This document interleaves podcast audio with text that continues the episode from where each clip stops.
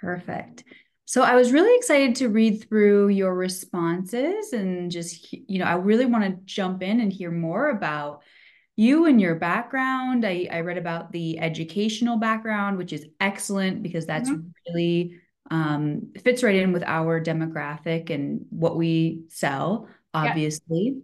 Um, so tell me a little bit about, you know, your process and your background and how it all plays together.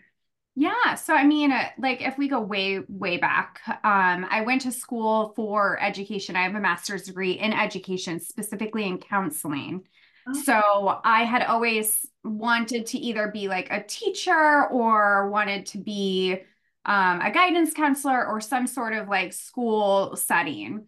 So, my first job out of college was I ended up being a behavioral therapist and I did not enjoy it. It was not for me. So I started, you know, career hunt, searching, whatever. And I ended up just kind of by chance working in higher education. And I spent years working in higher education. So my role there, uh, initially, I was an academic advisor where I thought that a lot of my job was going to be like hands on advising students. Really, it was a glorified sales position. And I was very good at it. Um, I was very good at it. And I didn't know that that was a thing that I would even like. Like, I thought I was going to be spending a lot more time with students, like one on one, like guiding them through like their courses. And these were adult learners. Um, mm-hmm. And I did, you know, some of that. But at the end of the day, I worked for a very reputable, well known online university where my job was to really ensure two things student success so, really, just making sure that they do well enough in their classes so that they could sign up for more classes and persistence. So, getting to graduation so that we could get paid. Um, so, it was very, you know, account management and, um, you know, we had a lot of data and metrics that we were using to, you know, kind of test our students out. Um, this was so long ago. It's like so weird talking about it now. Um, and then after eventually I was promoted into a role doing kind of something completely different and it was more admissions based and it was in a competency based uh, online degree program. I don't even know if they offer it anymore, but I was in charge of it was more of an operations role, but I was kind of like overseeing everything with enrollment. I was in charge of like 5,500 online learners. And again, same thing um, really partnering with employers to work with employers to um, set up like tuition benefit kind of things and then bringing those employers and onboarding those employers into our programs and then getting those students enrolled and then kind of handing them off to their learning coaches. So that was my role in higher education specifically. Um, very very sales based and I was very good at it and I I kind of miss it, which is why I'm talking to you today. Yeah, great. Well, thanks so much for sharing. I can definitely see a lot of parallels between that environment and our environment. I um when people would, you know, adult learners or the, the potential students would come onto the calls with you, what were they looking for? Were they looking for like what was this where were they at in their journey when they hopped on that call with you? So to, it depends on the position that I was in. So my academic advising position, they had already been onboarded into their, you know, they had an orientation and I was part of that. So I would like orient them to their new classes and, you know, I would get them set up, help them get their books, do all of that. And then I would stay with them through graduation. So I, this was a long journey, you know, it could be four plus years, right? Um, the admissions aspect of that, that was before they were enrolled into the university, right? So it was more about talking about what are the benefits of the degree program, what are the outcomes, um, and really working with them in that capacity. And that that role parallels more the role that I I found myself currently working in, where I am selling those high ticket like online degree, not degree. I don't know why I'm using the word degree. That's what I used to do high ticket coaching programs. So that's what I'm currently doing now, where I'm, you know, working with I, I, you know, I have one client where I spend just a few hours a week, so it's not a, a ton, um, which is why I'm looking for another opportunity. Um, but I am working right now with a client where I, you know, work with stu or potential students into a an online uh, virtual assistant program. So, mm-hmm.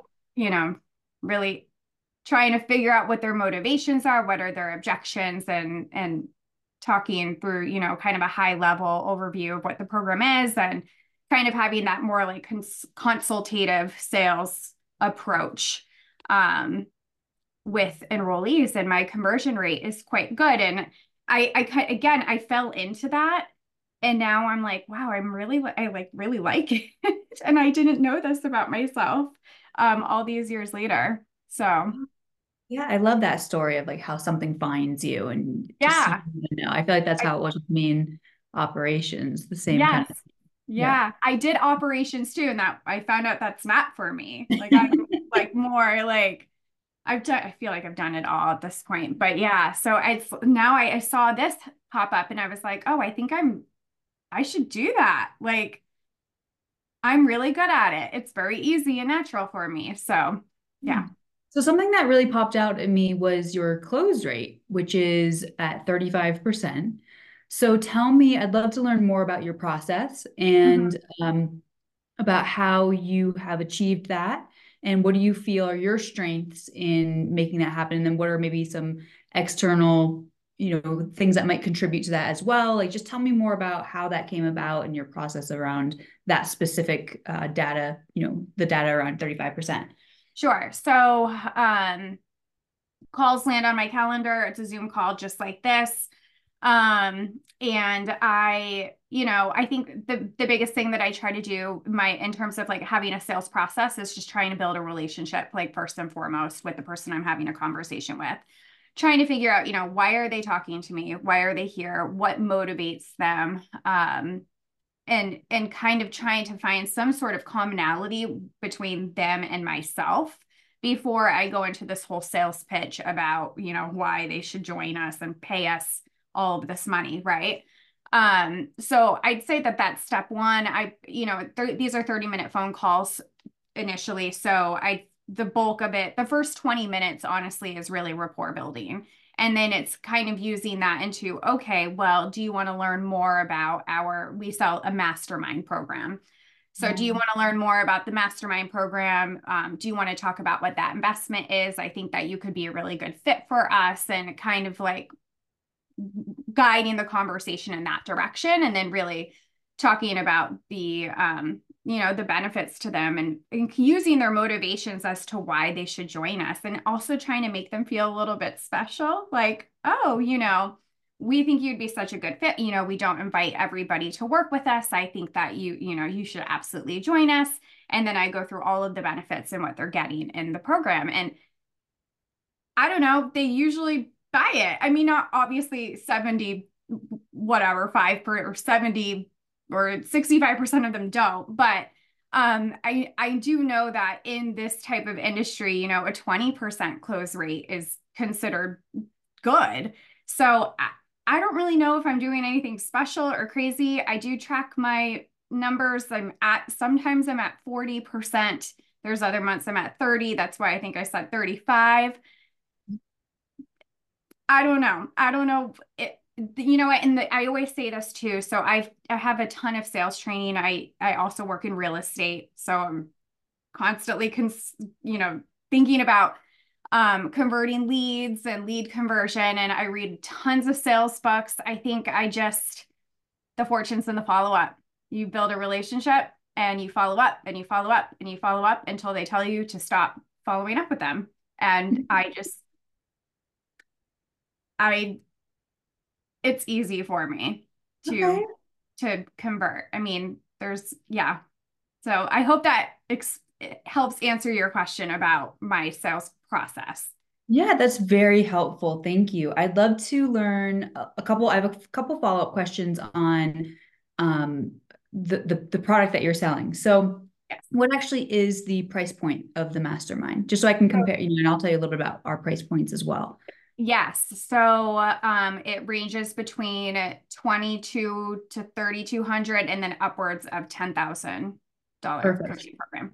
Yeah, that's right around where we're at as well. So our entry point, so when they come on the sales calls, you know, we're we're trying to get we're trying to lead them towards coaching with us Yep. But we do have some other options that are a little bit lower priced to fit within people's budgets. So those are between 1495 and, you know, 2600 ish. And then the coaching is anywhere from around you can get into an entry at 997 uh, and then but really where we're looking at is between the 37 4900 and um uh around um, 9500 is where we're at with Steve. So that to, to work with him one-on-one. So that's where his um, price points are at. So that's okay. great. So you're, you're familiar with those price points. You're comfortable with those. That is excellent.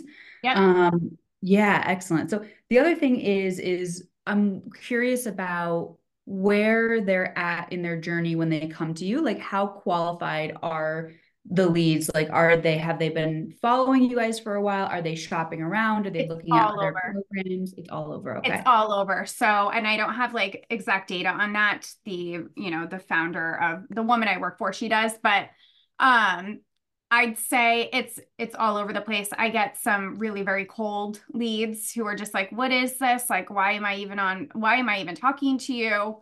Right? Why did i book this um, call yeah, like I'm like, well, why are why are you you're the one who clicked join, so you tell me why why you're here.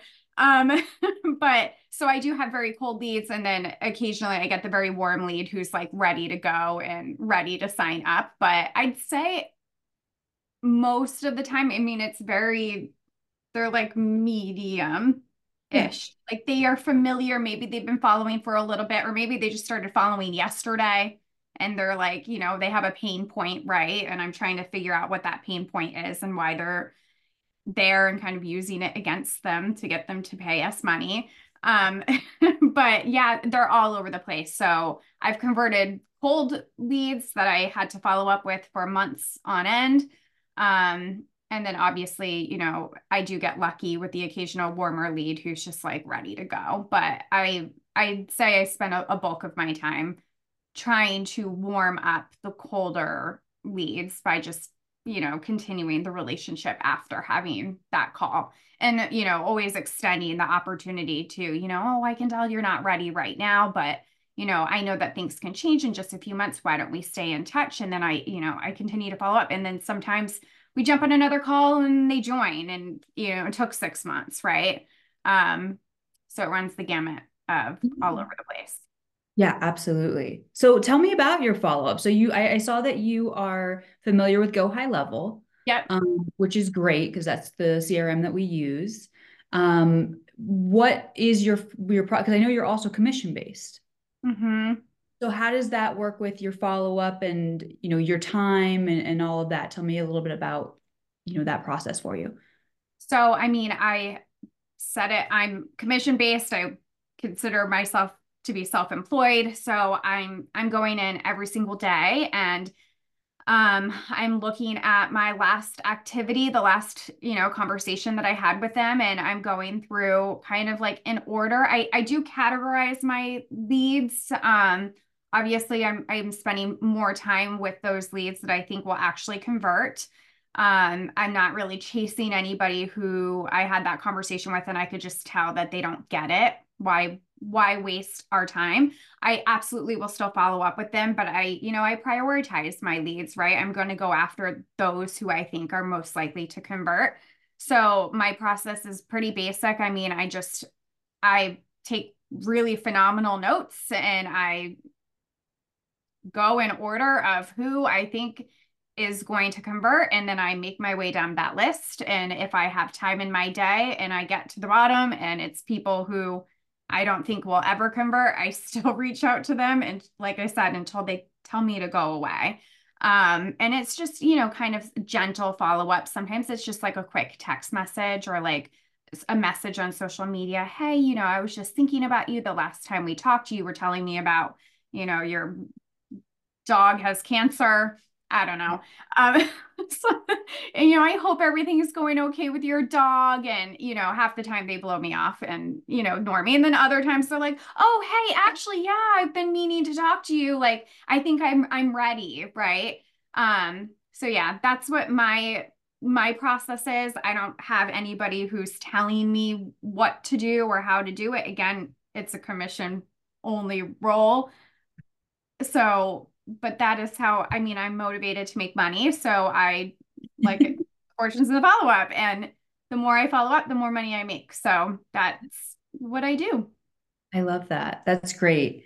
Um we, we we're right there with you. We believe that as well. And, and that's really an important part of looking for somebody who knows that that is such an important part of sales. Um, you know, sometimes which we, I get people just want to have the phone calls, but if you're not doing the follow up, you're leaving so much on the table. So that's a really, you know, great, um, great that, that that's already built in part of your process. We don't have to convince you, which is oh great. no, no. Yeah. I mean that's yeah. that's where you make your money. yeah, yeah. For sure. So tell me, so I, before um, we get off the phone today, I want to do a little role play and pretend to be one of your VAs, um, just so I can get a feel for, or your potential, you know, clients, students that you work with, so I can get kind of a feel for, mm-hmm. you know, what you, uh, you're just your style and all of that. Is that something that you're comfortable with? Sure, let's do it. Okay, perfect. Well, before I, I just have one quick question before we jump into that, it, which is, um, you know, actually, I forgot what it was. I'm sorry, you got you got so excited. I was like, oh, okay, we're gonna do it. So let's go. Um, so yeah, actually, let's just jump in, and then if if it comes back to me, or when it comes back to me, I'll ask you afterwards.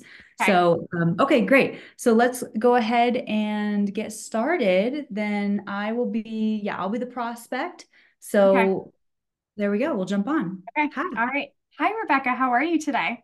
I'm doing well, thanks. How are you? I'm good. I'm so excited to chat with you today. I do want to let you know that these calls are super informal. It's really just an opportunity for you to ask me any questions that you want to ask me about, I'm going to say the VA industry, about the VA industry. So before I hand it over to you for questions, so I would love to hear from you a little bit more about what's inspiring you to take this leap.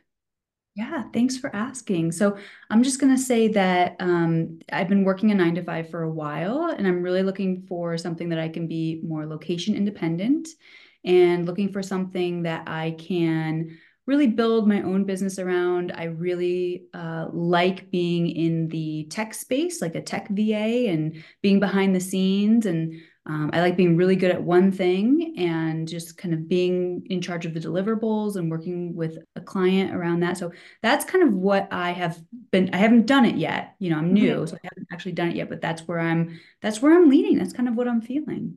I love that for you. Okay. So tell me, like, how did you get to a place where you discovered that this is where, like, what you're thinking that you want to do? I know you just said that you haven't done it yet. So Tell me a little bit more about your thought process behind that. Yeah, that's a great question. So um, I, I just started kind of playing around for my own side hustle, I guess. And I signed up for like Flodesk and uh, I started putting some automations together. And then I had a friend who has her own kind of side hustle. Of course, we all have our side hustles. And she knew that I had been playing around. And so I, I started helping her with with setting up her um, automations and like our welcome sequence. And then I just realized, like, oh my gosh, I love this. And I'm like, I wonder if I can do this for other people. And um, yeah, that's what led me to kind of go down this rabbit hole. And that's how I found you guys. Okay. I amazing. That's amazing. I love that. I mean, it it's so great that you know that about yourself and that you are coming into this with an understanding of the type of work that you would be doing because that's going to set you up for success when you do launch your business. So tell me a little bit more about and sorry like i don't we could be here all day role playing by the way sorry to like interrupt this but i mean do you want to continue role playing with me asking you a bunch of questions for 30 minutes or do you want me to go into the offer part? Yeah let's go into the, go into the okay so, do you want to? It sounds like you could be a really great fit for our Mom to Be a Mastermind program. So, do you want to hear a little bit more about what that is and what that involves? Yeah, that'd be great. Thanks. Okay, sure. So, what that is, it's a four month program. And really, within this four month mastermind, we give you all of the tools and resources that you need to build a virtual assistant business from the ground up. So, what that looks like is, you know, group coaching calls and accountability coaching on a three days per week basis. And we really take you through the curriculum. You have lifetime access to that where you can log in and go at your own pace. But the coaching piece of that would be for four months. And we really hold your hand along the way and guide you through every step of that process. And what that looks like from your end is being able to, you know, do one on one messaging support with your coach. Three days per week, you'll have your two days per week group mastermind calls.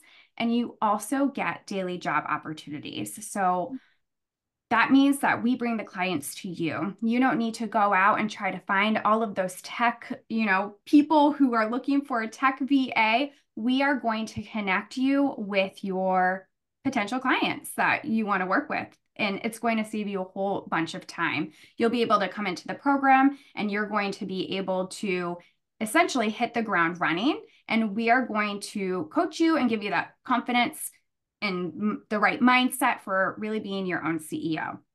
Mm, How wow. does that sound to you? Yeah, I mean, it sounds exactly what I'm looking for. It sounds sounds great. Do you want to hear about the investment details? Sure, that yeah, that'd be helpful. Thanks. Sure. So right now the program is $3,200. However, I am able to extend an offer to you for $1,000 off for the next 48 hours. It's a fast action bonus. And we do offer payment plans for that. So a lot of women, just like you, love to enter the program.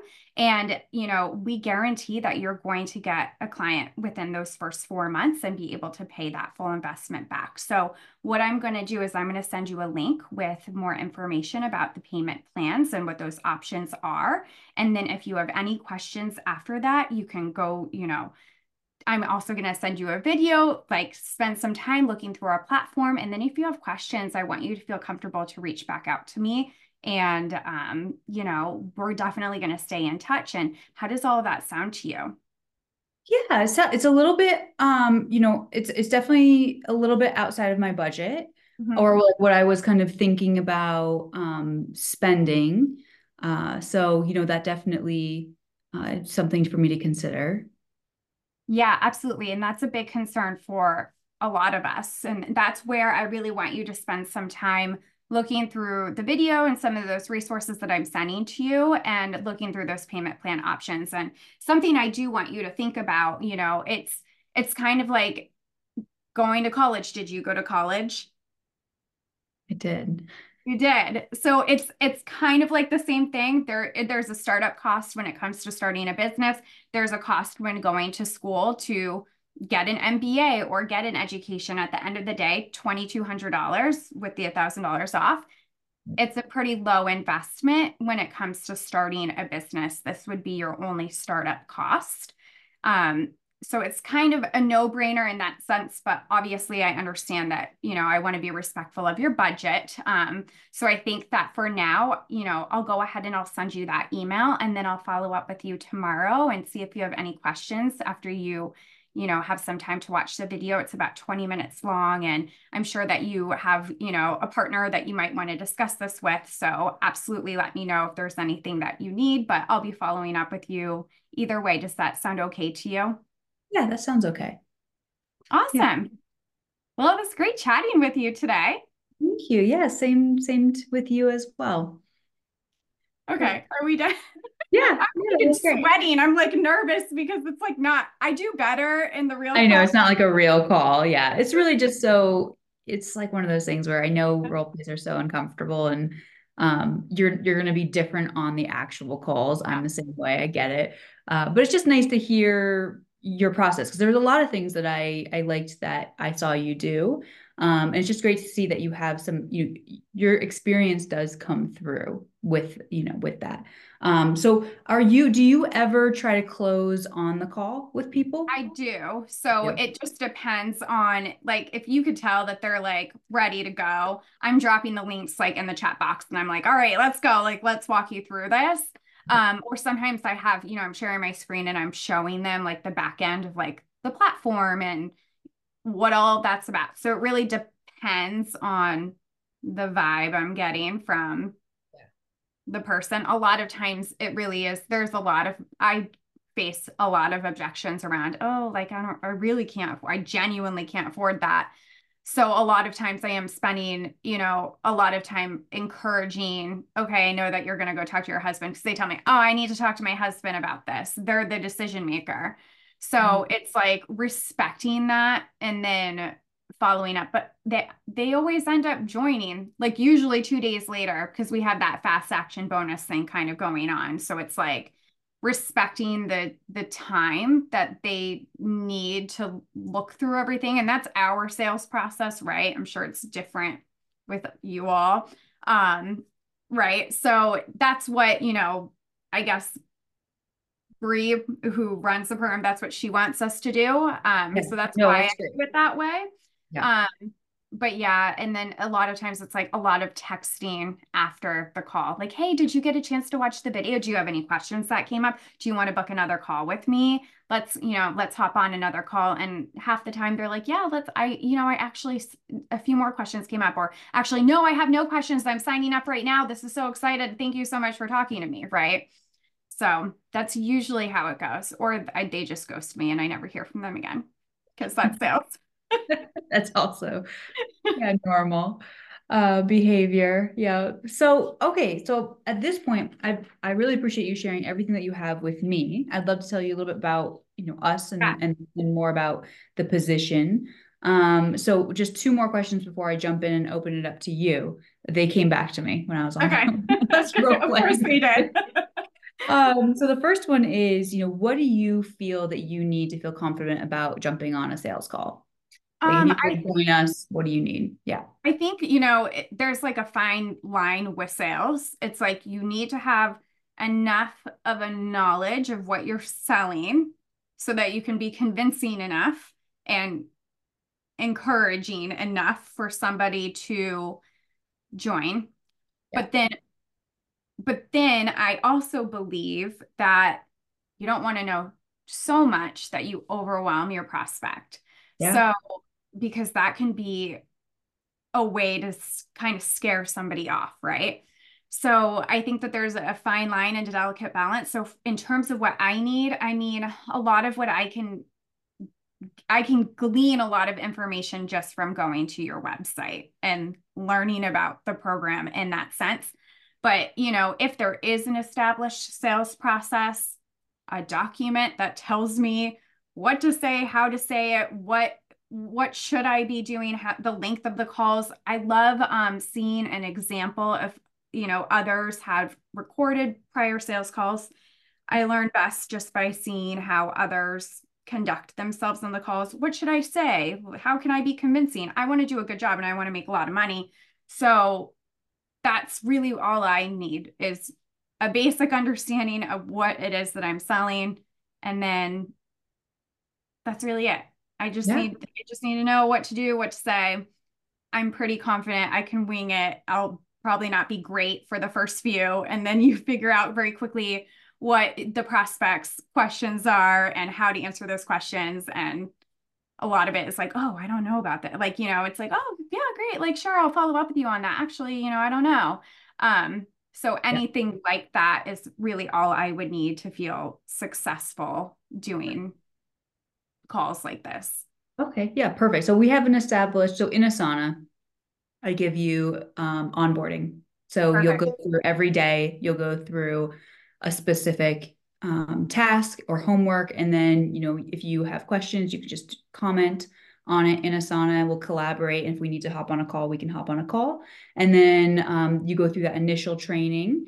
And then on top of that, Steve, our CEO and founder, um, hosts a weekly sales team meeting okay. where he so he listens to everybody's sales calls from the previous week and will give you detailed feedback and uh, he'll answer any niche specific uh, questions that you have if something came up and you didn't know how to handle it on the call so we really pour into you know our people to make sure that you really feel that you have everything you need to be successful and then we keep coaching you on you know in, until you feel and he feels that you are um, you know, at a place where you, not, not, that you wouldn't be taking calls, you'd be yeah. taking calls obviously during that time, but as long as you feel you need to until you graduate, essentially, we'll we'll pour into you and we'll continue training you and coaching you. Okay. Perfect. Yeah. Um, what uh, what is your if you don't mind sharing, like what are you looking for in a commissioned based um, structure. Like what's your if you if you want to share your current you can or what you're looking for percentage wise i'd love to learn a little bit more about that. So sure. So that's a great question. I actually don't have a great answer unfortunately. Okay.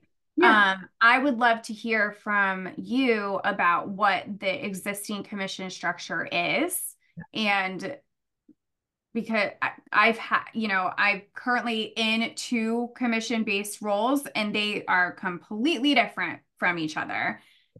And I, in full transparency, do not know what the industry standard would be with something like this because it could be completely different from the way I'm being compensated right now. You know, I am commission only, but you know, her commission structure is like kind you know, I don't know how yours is. So I would love to hear about what the com- current commission structure is to see if this is something I can do. Yeah, absolutely. It's a little bit different for everybody because some people will have different um eh, there's different things for different people, but yeah. I'll just tell you kind of what our standard approach is and we can go from there. Okay. So the first month, because we know it's a ramp up month for you, we yeah. give you 30% on all of our courses. Okay. And we give you, oh my goodness, I'm trying to remember 15, 15% for all of our one-on-one services. Okay. And then after that, we typically will do 20% on the courses and 10% on the one-on-one services.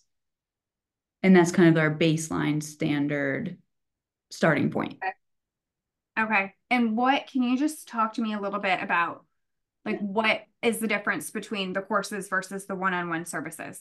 Absolutely. Yeah. So you can get an idea of what the pricing and all that. So yeah. our courses are typically to do the most popular is the 1497 and the 26, you know, 20, I think it's 2697 or so. Those are like the three month option and the six month option, and those are the more okay. popular ones.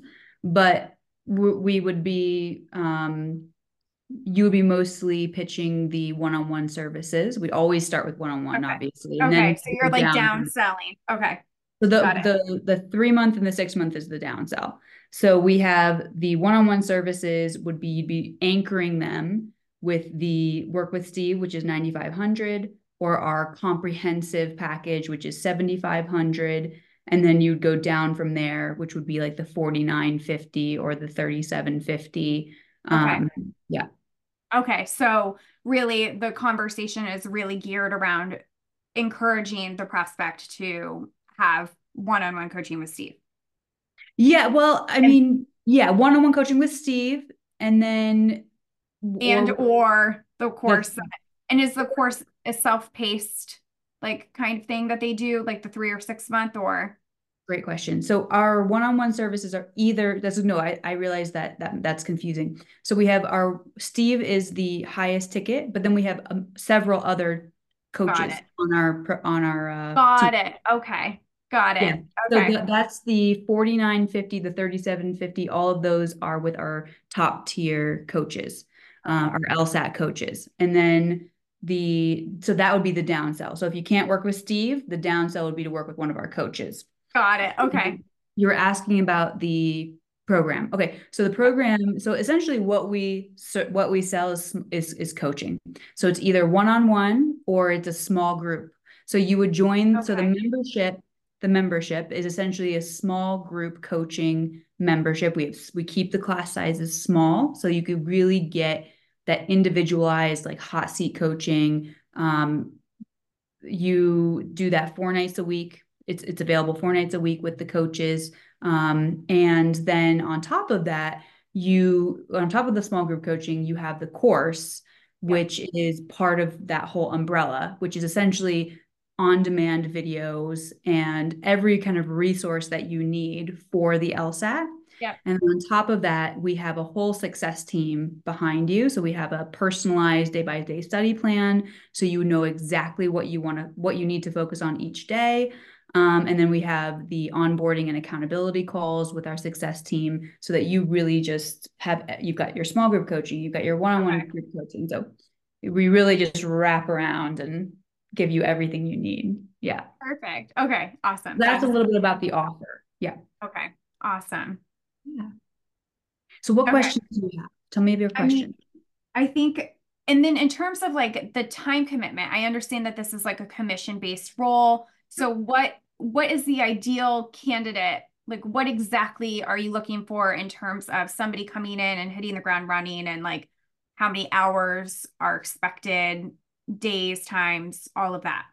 That's a great question. I mean, ideally, we'll take as much as you can give us. I mean, okay. you know, we, we would like to have somebody who's available to take calls um, as much as possible. So okay. you would open your calendar as much as you can. Uh, within, you know, obviously it's negotiation, so it's like whatever is within reason. Starting from the point of, we would love to have you open it as much as you, as much as seven days a week, twenty four seven kind of thing. Okay. You know I mean? Okay. But the expectation is that you would um, have at least a, a, a, couple nights a week where you can offer times for people who work nine to five because we do yeah. have people who are you know who work those hours and we need something yeah. that's after that um, and then if possible we would ideally love at least one or two um, weekends as well where it's either a saturday or a sunday for a few hours here and there just for people who have really busy yeah. Week weekdays just you know um, yeah so that, that those would be the expectations that we would have. Um, how does that sound to you? That sounds great. I, I, was just curious about that. And then the other thing is, how many sales associates do you, you currently have? So we currently just have one. And oh, Steve. just one. Plus, but the idea Steve is doing it as well. Okay. Yeah. So the idea is that he is hoping that within the next couple of months, he can transition out of the sales role yeah. And just give everything to the sales team, which would also um, you know, we would do it round robin between the sales team. So it would just keep it as, as equal as possible. Yeah. I'm doing it exactly the same way. Okay. Um, and then what is the conversion rate on average for the one person that you have? So she just started with us in November. So she is, and I will also say that um, she doesn't have your level of experience. I can already tell. So okay. she's at 11 to 12% right now. Okay. Um, but she has a very difficult time closing. She doesn't ask for the she doesn't ask for the oh, sale. Okay. And I think okay. as much as we would want that. So I think that that is one of the big in, and we're training her on that and I think that that's definitely something that is um impacting you know that as well for right. Her. Yeah. Sales um, scale. yeah. Yeah. Yeah. Yeah. Steve has about a um, 35 to 40% close rate for him. Okay. Yeah. Okay. Okay. Yeah. yeah. That makes sense. I would hope that he does. Yeah. Um, since it's his thing. Um, okay. I think that that I'm trying to think if there's anything else that like really stands out at me in terms of like questions. It sounds very almost identical in many ways to what I'm doing currently. Um, and I really enjoy it. So I'm like, oh, like there's more because like I would be doing more for my current client, but there's just the calls are not landing on my calendar the way that I have more time in my in my life right now. So yeah, I mean, this sounds like it could be pretty good. Okay. Okay. Is there anything I'm going to put my little sales hat on and just ask you, is there anything holding you back from moving forward that you can think of now that I haven't addressed or haven't told you about, you know, if we were to offer you the position?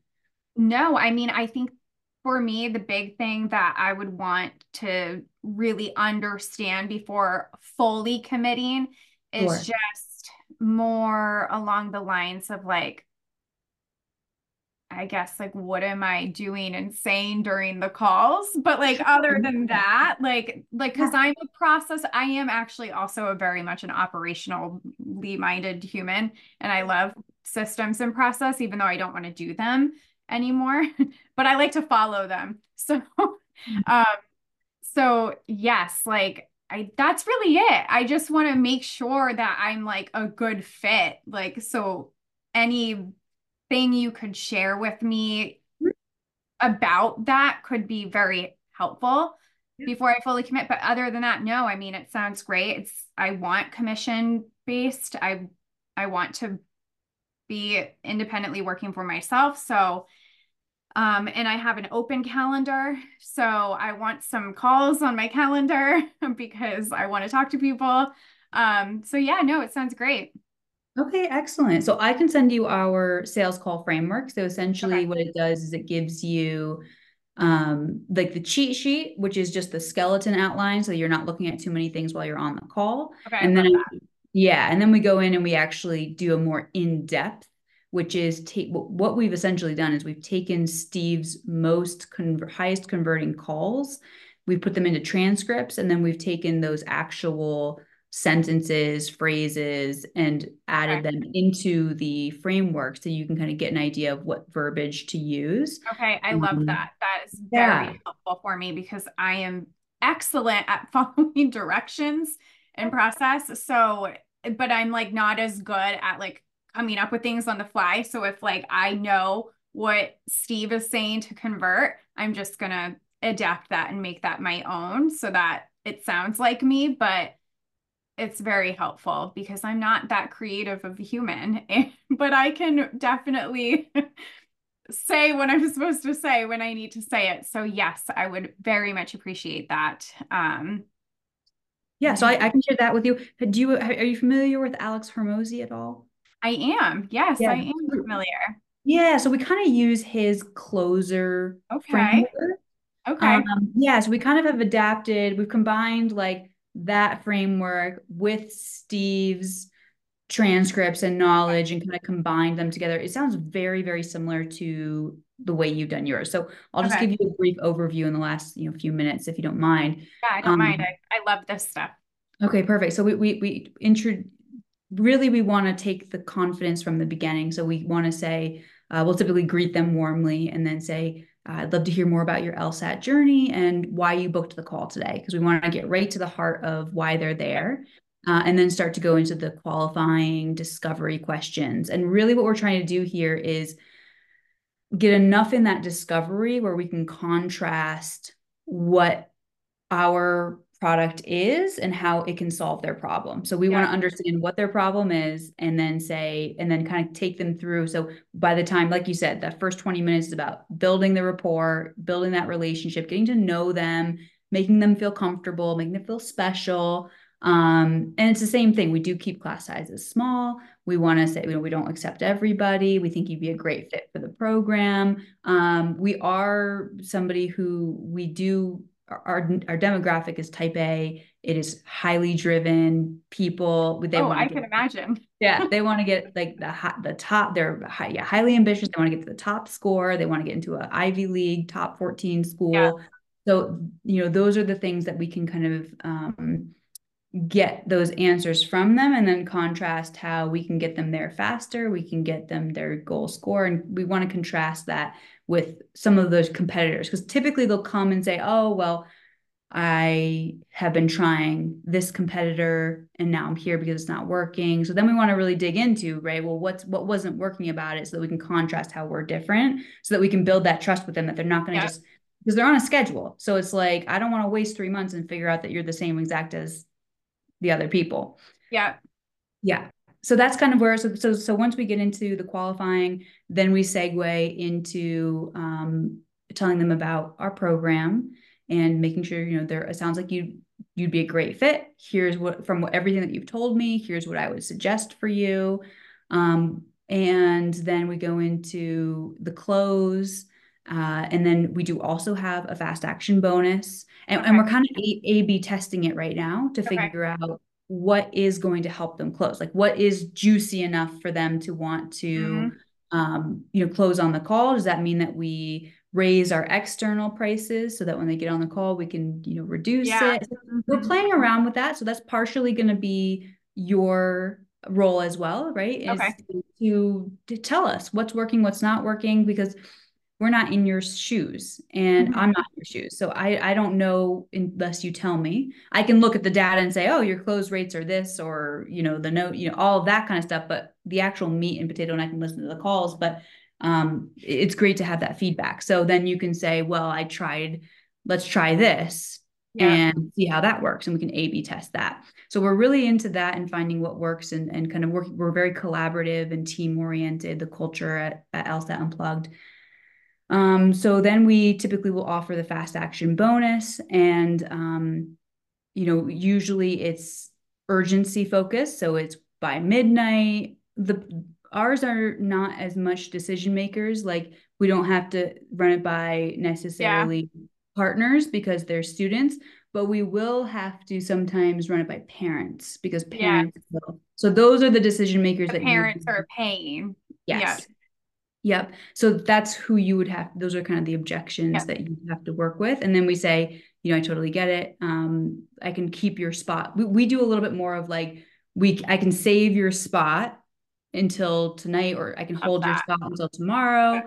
Um, you know, I'll follow up with you. So definitely, again, all in the follow up. I'll follow yeah. up with you first thing in the morning. And that's pretty much it. So it sounds very similar to what you're doing now with maybe yeah. a few tweaks here and there. Yeah. But that's kind of the gist of it. And I can definitely send you that document just so you can kind yes. of review it.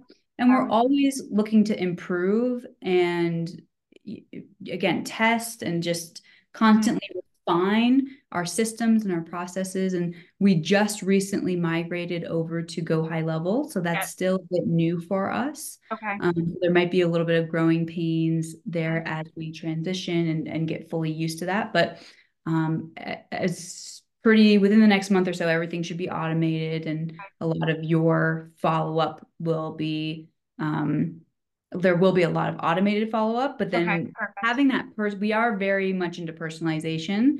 Yeah. so if you can also you know do that personalized follow-up i think just that's that's great. So yeah yeah. Okay it sounds like almost identical to what i'm doing. Great. So you have a good point of reference. Yes yes yeah. yeah. Yeah, and we're also just like not making it up as we go, but you know, constantly fine tuning. We're also trying to get into go high level and having growing pains with that. It's it's like I it's so weird how parallel it is. Um so yes. But yeah, no, this sounds great. I mean, the framework that you'd send me is super helpful just so I know what I'm getting myself into. Um, because I yep. care about doing a good job and also hope to make some income. Um, so yeah, I it sounds great. I appreciate your time and I'm Absolutely. I'm excited. Okay, excellent. Do you have any um last questions for me? Nope. Okay. Do you have any last questions for me? I do. So I would okay. I, just the one last question that I would I would be curious about is just to hear a little bit more about what you are looking for in a position. Are you looking to stay with somebody long term? Are you, um, you know, what's your future outlook? Like, what are you, what are you looking for? I mean, ideally long term. Um, yeah. I'm not really looking to bounce around. Um, you know, I love my current client that I'm doing this for, but again, the only reason I'm even going outside of that is just I'm only doing a few hours a week. And yeah it's not enough. And sometimes there's higher volume and but right now it's very slow and I'm I've got the time and you know I have some other things going on in my life but I just I'm I'm a I'm type A kind of like all of this you know potential people I'll be having conversations with um so I just I'm a high achiever and I want to just go and make money but also I'm very motivated to work for myself so that's yeah, I am looking for a long term situation if it's the right fit. Great, great. Okay, that sounds that's perfect. So that would be really my only question for you is uh, that, and then um, it sounds like you've got great availability, which is excellent. And then there may be times that, like during a launch, for example, like we have a live launch coming up in December, uh, not December, um, in Mar- end of March, beginning of April. Yeah. And we might need like all hands on deck okay. during that time just to help support the in the the influx of sales calls. We yeah. might even hire, you know, an additional person temporarily um, just to help with that, depending on you know what it's looking like. So is that something where you know during a live launch we we don't host them a ton, maybe you know three times a year or so. Um, would that be something where outside of you'd be, be willing to open up your calendar oh, yeah. a little bit more during like? Oh yeah, absolutely. Yeah, yeah, yeah. As long as I have plenty of notice, absolutely. Yeah. Okay, perfect. All right, excellent. Well, I think that's all I have. Um, and I guess I'll tell you next steps would be that I'm going to review this recording. I'm going to have um, Steve review it as well and just uh, give me some feedback. And then we'll probably, what it would look like if you moved forward is we would put you through that week of, you know, you've got a lot of experience already, so you might be, you might move through it faster.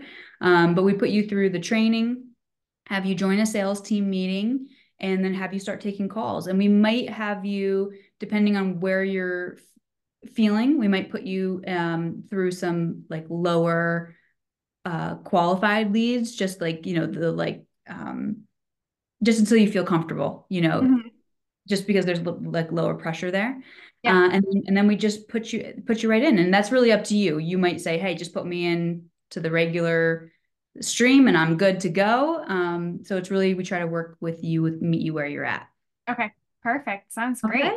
All right, excellent. Well, that's all I have. Thank you so much for taking all this time with me. I really appreciate you answering all the questions, and it was delightful to speak with you. And yes. I will follow up either way.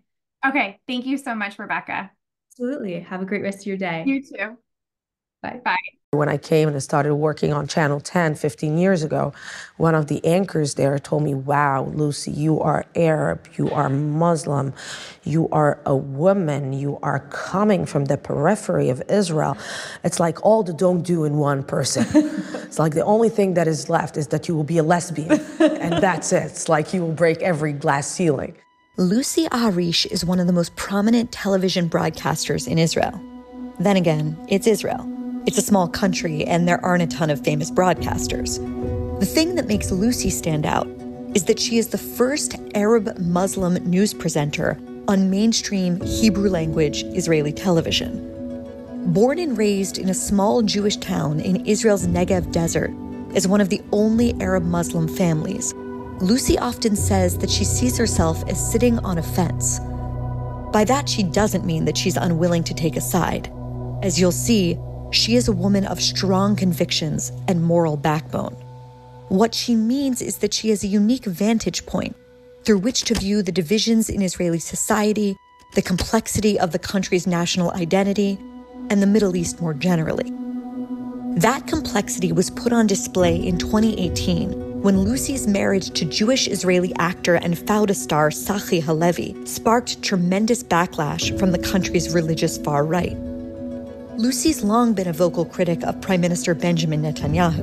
In 2020, immediately following her participation in an online rally protesting Bibi's handling of the coronavirus pandemic, state run broadcaster Kan fired Lucy from her role. The network chalked up her firing to pandemic related cutbacks. Lucy's also been equally critical of her fellow Israeli Arabs, particularly of Arab violence and of Arab leadership that she says condones it. A Muslim and a Zionist, an Arab and an Israeli.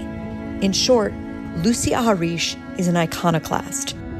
I sat down recently with Lucy in Tel Aviv. We talked about the massacre of October 7th and its impact on the country and on her family. Her husband put on his uniform and headed to the south within hours of hearing the news. We also talked about the challenges she faced growing up as the only Muslim Arab kid in a traditional Jewish village. We talked about the terrorist attack that she survived in Gaza and about the hope that she has for her Muslim Jewish son and the future of the country that she calls home.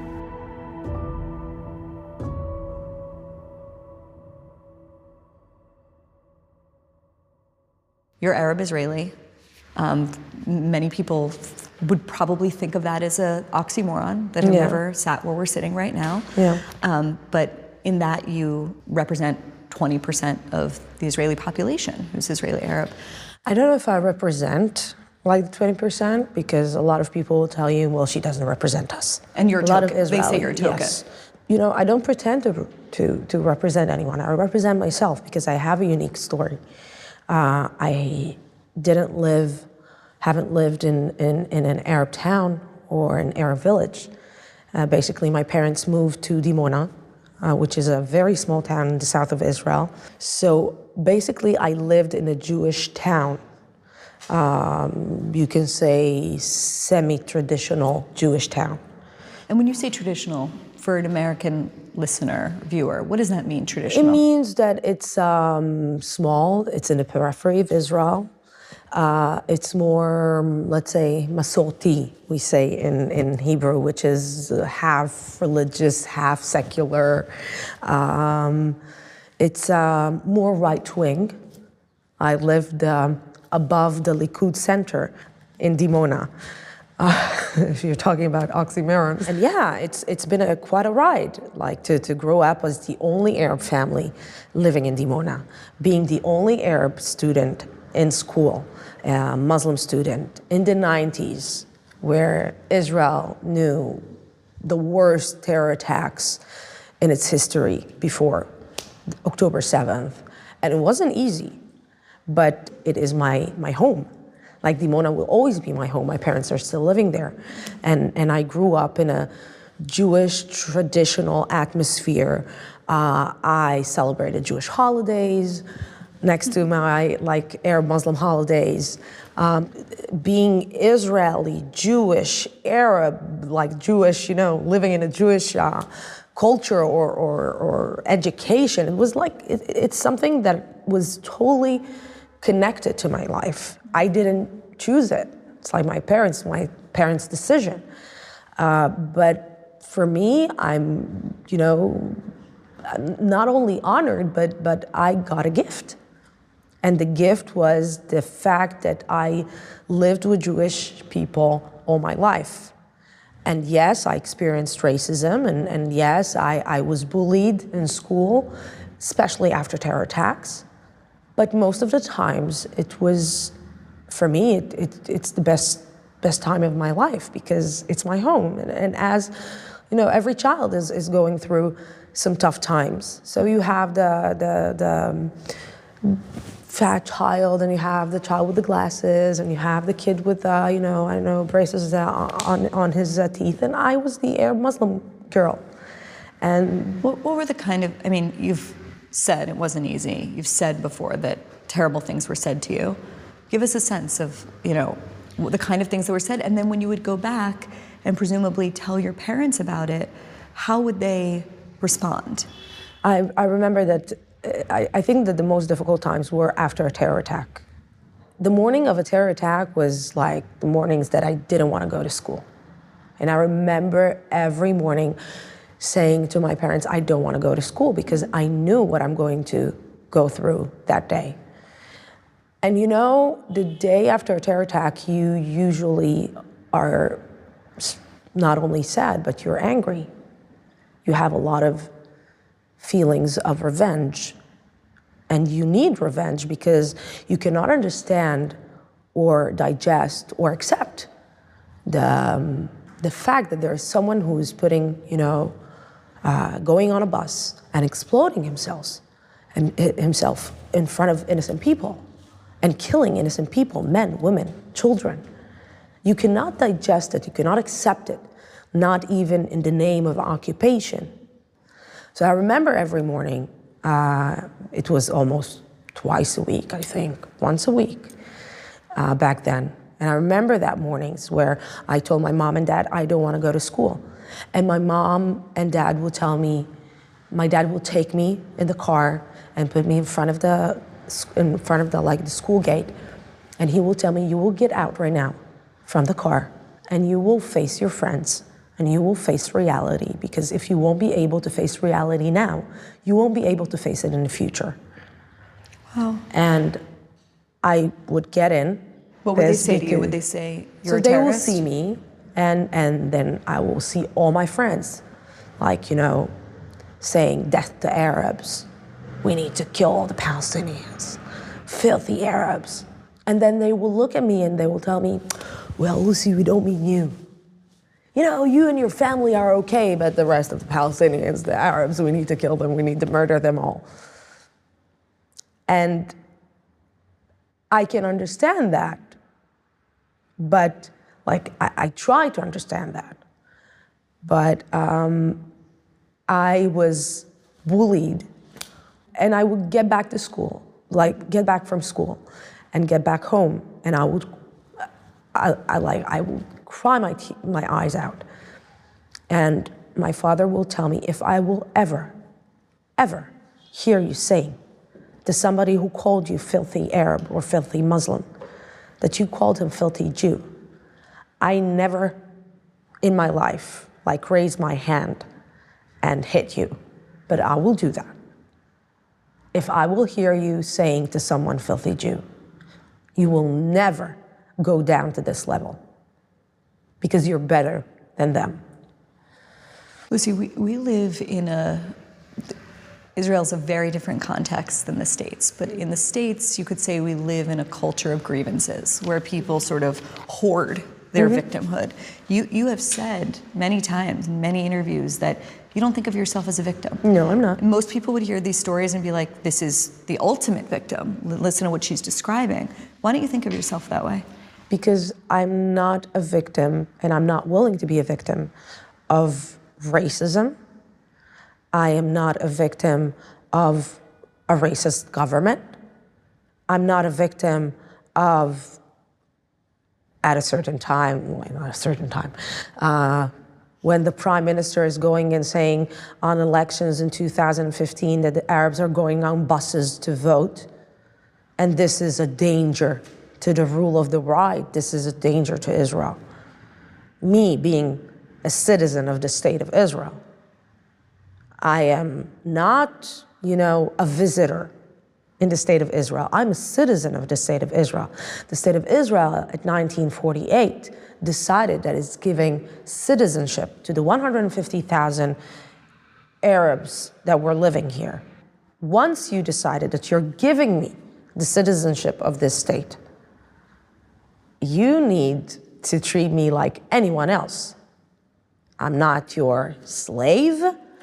You're not doing me any favor. It's not that, it's so complicated what is happening here because the Palestinian, Israeli Palestinian conflict is directly affecting the Israeli Arab um, relationship. Well, it's strengthening it. I mean, there was a poll before the war asking Israeli Arabs if they felt a part of Israel. I think 48% said yes. And then post war, same poll, it's something like 75, 77%. You think that's representative? I, I think that it's representative because for the first time, October 7th proved that we share the same destiny here. Arabs and Jews were living in Israel, citizens of the state of Israel, share the same destiny. And you had a living proof for it, a living proof provided by Hamas, terrorists, when they got in and they filmed themselves killing and murdering and raping and burning innocent people, that they caught a guy from Jerusalem, East Jerusalem. He's telling them, I'm from Jerusalem, I'm from East Jerusalem. And they told him, Oh, you're cooperating, cooperating with Israel. And they killed him. They just shot him to death. So it got nothing to do with, you know, ah, oh, if I will say, La ilaha illallah Muhammad Rasulullah, they will save me. No. They will spare my life. No, it doesn't work like that. Growing up as little Lucy in Dimona, the only Arab in your class, did you have any sense of what you wanted to be when you grew up? An actress. Okay, so you got like I guess the next best thing, which is being a uh, television uh, yeah, journalist. television, you know, a journalist. I knew that I have a totally different story. I knew that um, I'm living in Dimona. I'm a Muslim from a Muslim family. Um, I went through a terror attack in the first Intifada when I was five and a half years old uh, in the Gaza Strip on a Saturday morning. Tell me about that. Because um, right now, the idea of an Israeli citizen going anywhere near Gaza, well, obviously right now, but since 2005 would have been unthinkable. Back then, it was a totally different it situation. It was a totally different situation. We used to go to the Gaza Strip to, you know, to, to do some shopping there. like you know, buy groceries and shop and and and eat fish on the beach. It was like there were like a lot of Israelis getting into the Gaza Strip, and I remember it was Saturday morning, and uh, my uncle and his wife came uh, to visit us with with their two children. They came to visit us, and uh, my uncle said to my dad, um, "What do you think?" uh, let's take a trip to the Gaza Strip. And my father told him, well, listen, I, I understand it was 1987. It was the beginning of the Intifada, the first Intifada. Really the beginning. And my father told him, well, I understood that the security situation is not that good. Let's postpone it. And to make a long story short, we decided that we're hitting the road. It was me, my mom, my dad, my uncle, his wife, and one of his children.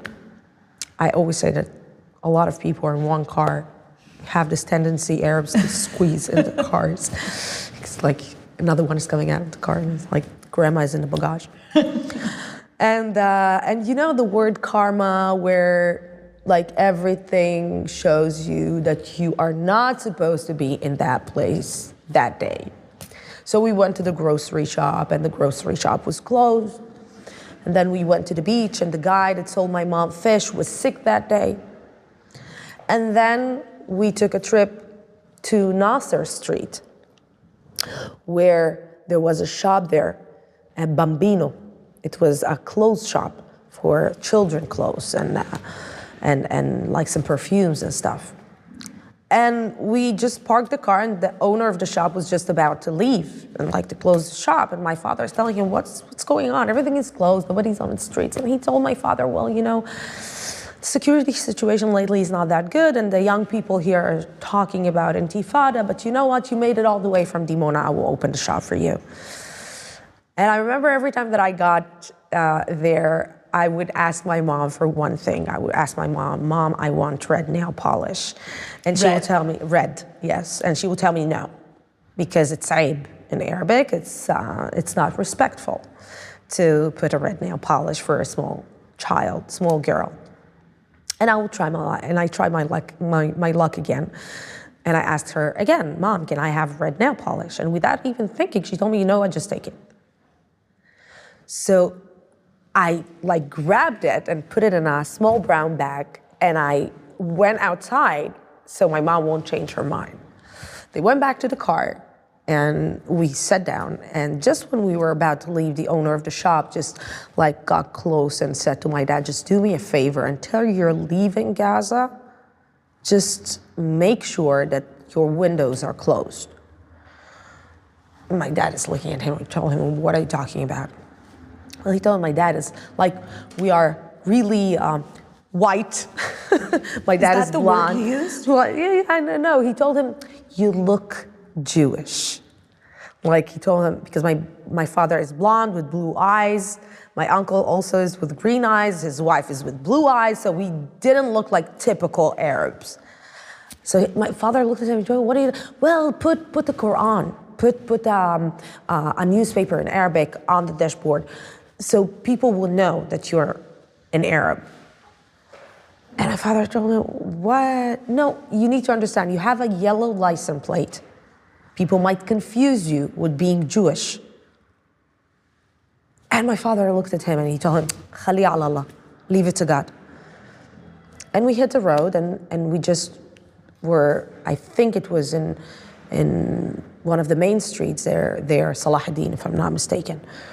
Um, and we hit the road, we hit traffic, so the car stopped.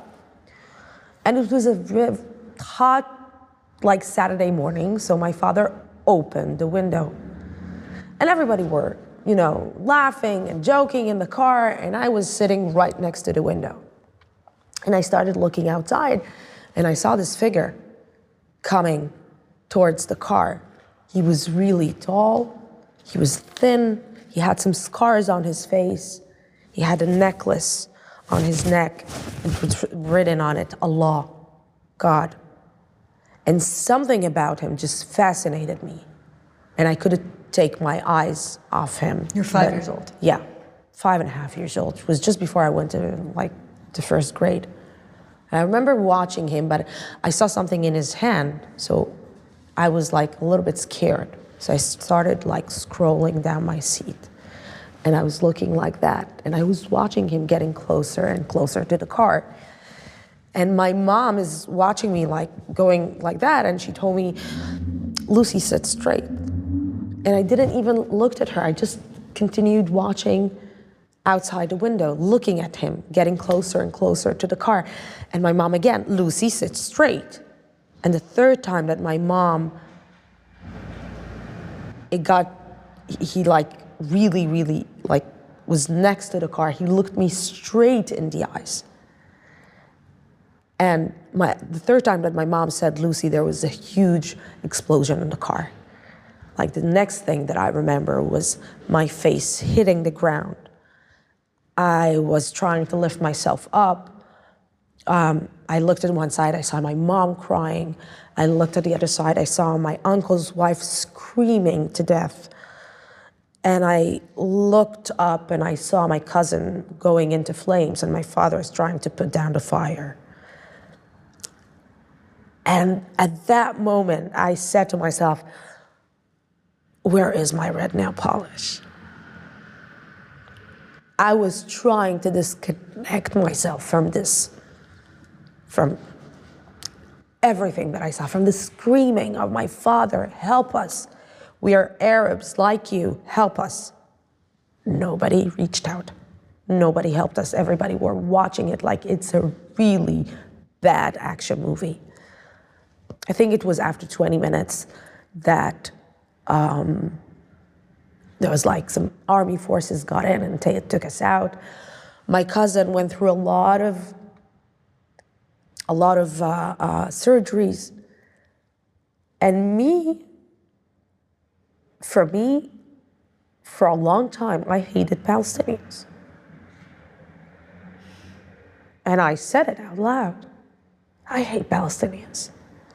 You need to kill them. You need to murder them all. And I remember at a certain point, my extended family heard me saying it. And they said to my dad, Well, she hates us. She hates herself. She hates who she is. She hates who we are. And my father, my very, very clever, wise dad, told them, Well, she will grow up, she will understand that life is a little bit more complicated than she thinks. And he was right. He was right. Life were much more complicated. And it's not black and white. This is why it was important for me on October 7th to speak out. Because it was personal. And I saw the evil in the terrorist's eyes. I saw him looking directly into my eyes before even, like when he saw five-year-old and a three-year-old, and he saw a pair of, uh, of parents sitting in a car, and he knew that he's going to burn them alive. He knew, and he did it without even thinking. So this evil that we saw on October 7th, it's not something new. It's not you know, just wow, happened on October 7th. No. It was there. Now, there are a lot of things to that got in throughout the years, but it was there. You first came on my radar when you became the first Arab Israeli Muslim broadcaster in the country. And I was like, oh, that's cool. Like, who is that woman? That's really interesting. And then you sort of exploded, at least in certain circles in the US, when you got married to, well, why don't you tell me? To Tzachi Halevi. Yeah. Yeah. Tell me about that marriage and tell me about why that caused such a stir in this country and maybe the, the distinction between the public response to it and the response of your family, which I'm curious about too. Wow, the response of my family. Well, we were really, really worried about the response of our families. It wasn't only my family, was our families. Tzachi is also uh, divorced with a, uh, he like with a teenager back then. Now he, he, he is uh, 20 years old. Um, and and we were worried about you know we know where we we live it's not that common that there is an arab muslim woman marrying a jewish guy and when they are they are both very well known it's a high profile relationship so for a long time we decided that we were keeping it secret it was secret for around four and a half years uh, It's an odd thing to have a closeted straight relationship in Yeah. in the mid 2010s. and, and, and I will tell you that, um, first of all, you know, it's a small country, so to keep it like it's a small country, small, you know, um, small media, and yet we were able to save it like for four and a half years. I remember that um, um, when when we got married, it was like the media knew, all the the, the um, um, journalists knew, and we always got like phone calls saying, "Oh, we know about your relationship, so we're." And I tried to explain to them, to tell them, listen, this is not a normal relationship. There is a teenager in the midst of it. Our families, they don't know. It's like it was a secret it was a like a huge blast in Israel because it was a secret until the day of the wedding. Like my my my I said to Tzachi, Tzachi told me, well, do you want to say something like like maybe a week before, two weeks? I don't know. You know, we are going like it's it's going for an explosion. At least let me control the explosion. I know that it's going to explode, but at least when it will explode, I want it to be a very clear fact. We are married. It's not that we will get married in one month or two weeks and then I will have to answer million questions about the relationship and to have discussions on TV and radio whether this is there should be this relationship is a suitable relationship for politicians or people living in Israel. No, I want when I when we will like announce our marriage, it will be a fact a fact in the face of all the people who have something to say about this marriage. what did people say? So, it- what they didn't so just to say. be clear, we're talking about a, a, a Jewish Israeli actor who's in the show Fauda, most Yeah. famously. Yes. And he was an ex um, military officer in an elite unit, uh, undercover elite unit. so, like, actually Fauda in real yeah, life. and his father was uh, um, veteran of the Mossad.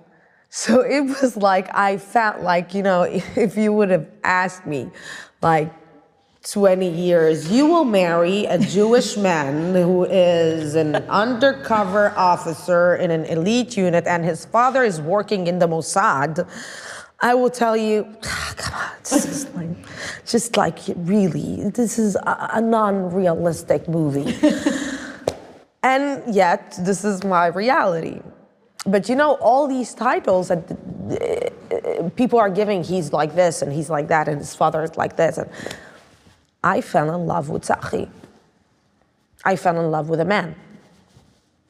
I'm always saying that if I was right now living in the United States, I would be a non issue.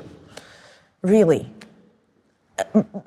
I will be a persona that is really not interesting, a regular, totally regular story.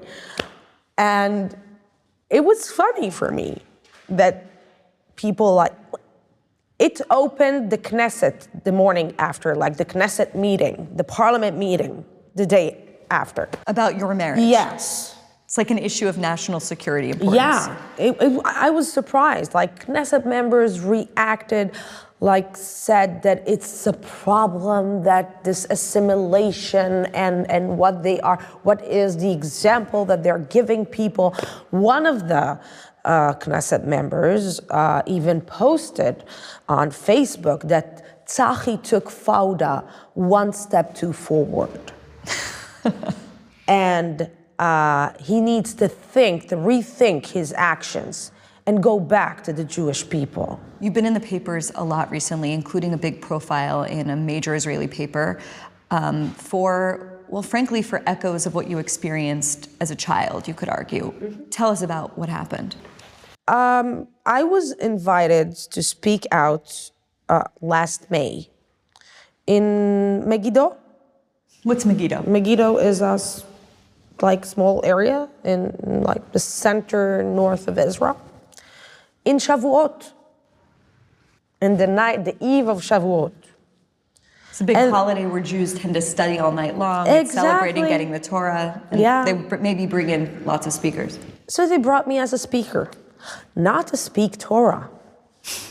I feel like you to, could do that. You know, you know, to speak about my life. I wasn't like playing it as a rabbi coming to speak to the Jewish people and give a message to the Jewish people. I came and gave a lecture about my life. I spoke about my life, about the mutual life that I have, the coexistence that I'm living. Um, uh, that's it. It was an amazing evening. We really, it was, uh, we all like felt connected and really it was an emotional evening. Mm. I got the money, they paid me, and that's it. Two weeks before, like, like two weeks ago, I just step out of, of like the bathroom uh, from the shower, and I look at my phone, and I have like these tons of messages telling me, like sending me uh, an article in Yediot Ahronoth, telling me, sorry for my language, what is this shit? What is this? Apparently, the education ministry of Israel prevented the money from Megiddo, decided not to pay Megiddo uh, because they brought me a woman who symbolizes assimilation, who represents assimilation, cannot speak about a Jewish culture so you cannot bring her to speak about a Jewish culture in the eve of Shavuot. And this is why we're not giving you the money. This letter came out from the Ministry of Education of the official state of Israel, which means that the official state of Israel is basically looking at me and telling me, oh, I'm racist, and I'm not ashamed of it. You know, back then, some people people were a little bit ashamed with their racism. Now, no shame whatsoever. So, Lucy, there are people, as you know, all over the world who look at Israel and say, it is a racist, colonialist, apartheid state. It is no better than the Jim Crow South in America before the civil rights movement. And the kind of thing that just happened to you is proof of that. What, do, you, hmm? what do you say to that? Oh, look at your countries. Look at what is happening in your countries right now. What I'm going through right now is pure racism, definitely. Apartheid? No. Look at me. It cannot work. I'm not like, I'm a presenter on a mainstream TV channel in Israel. It's like, no, my sister is working in one of the big banks in, uh, in one of the major banks in Israel. My other sister is a V is is, um, um, uh, the general manager of a big hotel in Eilat. This is not an apartheid country. Yes, but there is a lot of racism towards Arabs. Like every country is dealing with racism, and racism should be fought. I should fight it and I'm going to fight it. My child won't study in the education ministry of the state of Israel when this education ministry is basically telling him, You don't have a place here. And we're telling you this. It won't happen. And if I need to sue the Ministry of Education of Israel, I will do You're it. You're going to do that? Yes. Yes. Because for me, this is the red line. You could also look at what just happened to you and say, encapsulated in that story is the fundamental tension of the identity of the state itself. It is a Jewish state and it is a democratic state. Mm-hmm. And many people look at that as a paradox at best. Other people look at that and say those things are on a collision course and they can never be reconciled. What's your view of it? And I will tell you something like that. This country has to be Jewish and democratic. Why? Because the Jewish people have no other option than to be democratic hmm. because of their history, because they were persecuted, because they went through the Holocaust, because six million of them were murdered because they were Jewish. Because all the persecution, because of anti Semitism as a Jewish man or woman, you cannot allow yourself to be something else than democratic. So for me, this state, it's, it's a natural thing that it will be Jewish and democratic. And if there are some certain parts or extremists in Israel that use democracy use the Israeli democracy to hurt the Israeli democracy and to make it some kind of a messianic, I don't know what, I'm going to fight them. If you want to call me the gatekeeper of the Israeli democracy and the Jewish people, I have no problem with that. I'm the gatekeeper. I'm going to be the person that is going to remind a lot of Jewish people and the Jewish people that it was not such a long ago that the state of Israel didn't exist. And the Jewish people almost didn't exist. This state is a miracle on every parameter. It's a miracle. 75 years. That's it. There are some like grandparents that are older than this country. So, being a democracy, you know, it's like it's baby steps. We are in our baby steps. It's like this country is just starting to walk. Where were you on the morning of the day that changed everything? About this country and, and maybe the world? Uh, I was at home, sleeping in my bed, Tel Aviv, just 10 minutes away from here. Heard the sirens 6:30 in the morning. Uh, I like called Tzachi and I told him there are sirens. And he told me, no, you're not, you're dreaming. I don't know, I'm not dreaming, there are sirens. We grabbed Adam, our son, and we went to the safe room. And I started looking at my phone to understand what is happening because, you know, we have these WhatsApp group. Uh, uh, WhatsApp groups uh, in, in our channel. So I started looking for something like throughout the night, maybe something happened, maybe, I don't know, we, it's like we attacked on, in Gaza. I didn't understand, and nothing.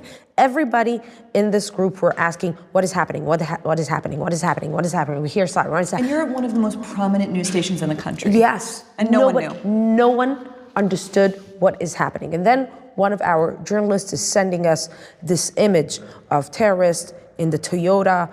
Um, in the white pickup yeah, truck. white pickup truck um, with guns. And he's saying there is an infiltration in one of the cities in the south of Israel. It was one of the earliest images was this like this pickup truck Yes. with six guys in Sderot. Yeah. And that seemed like the craziest thing that had It was crazy. It's like one of the things that you say to yourself, no, how did they get there? What, what? the-" And then you see this image and you say to yourself, okay, in like, you know, 10 minutes, it's, it's going to end. Like be- the army will be there, the police will be there, it's going to like, you know, just the fucking state of Israel.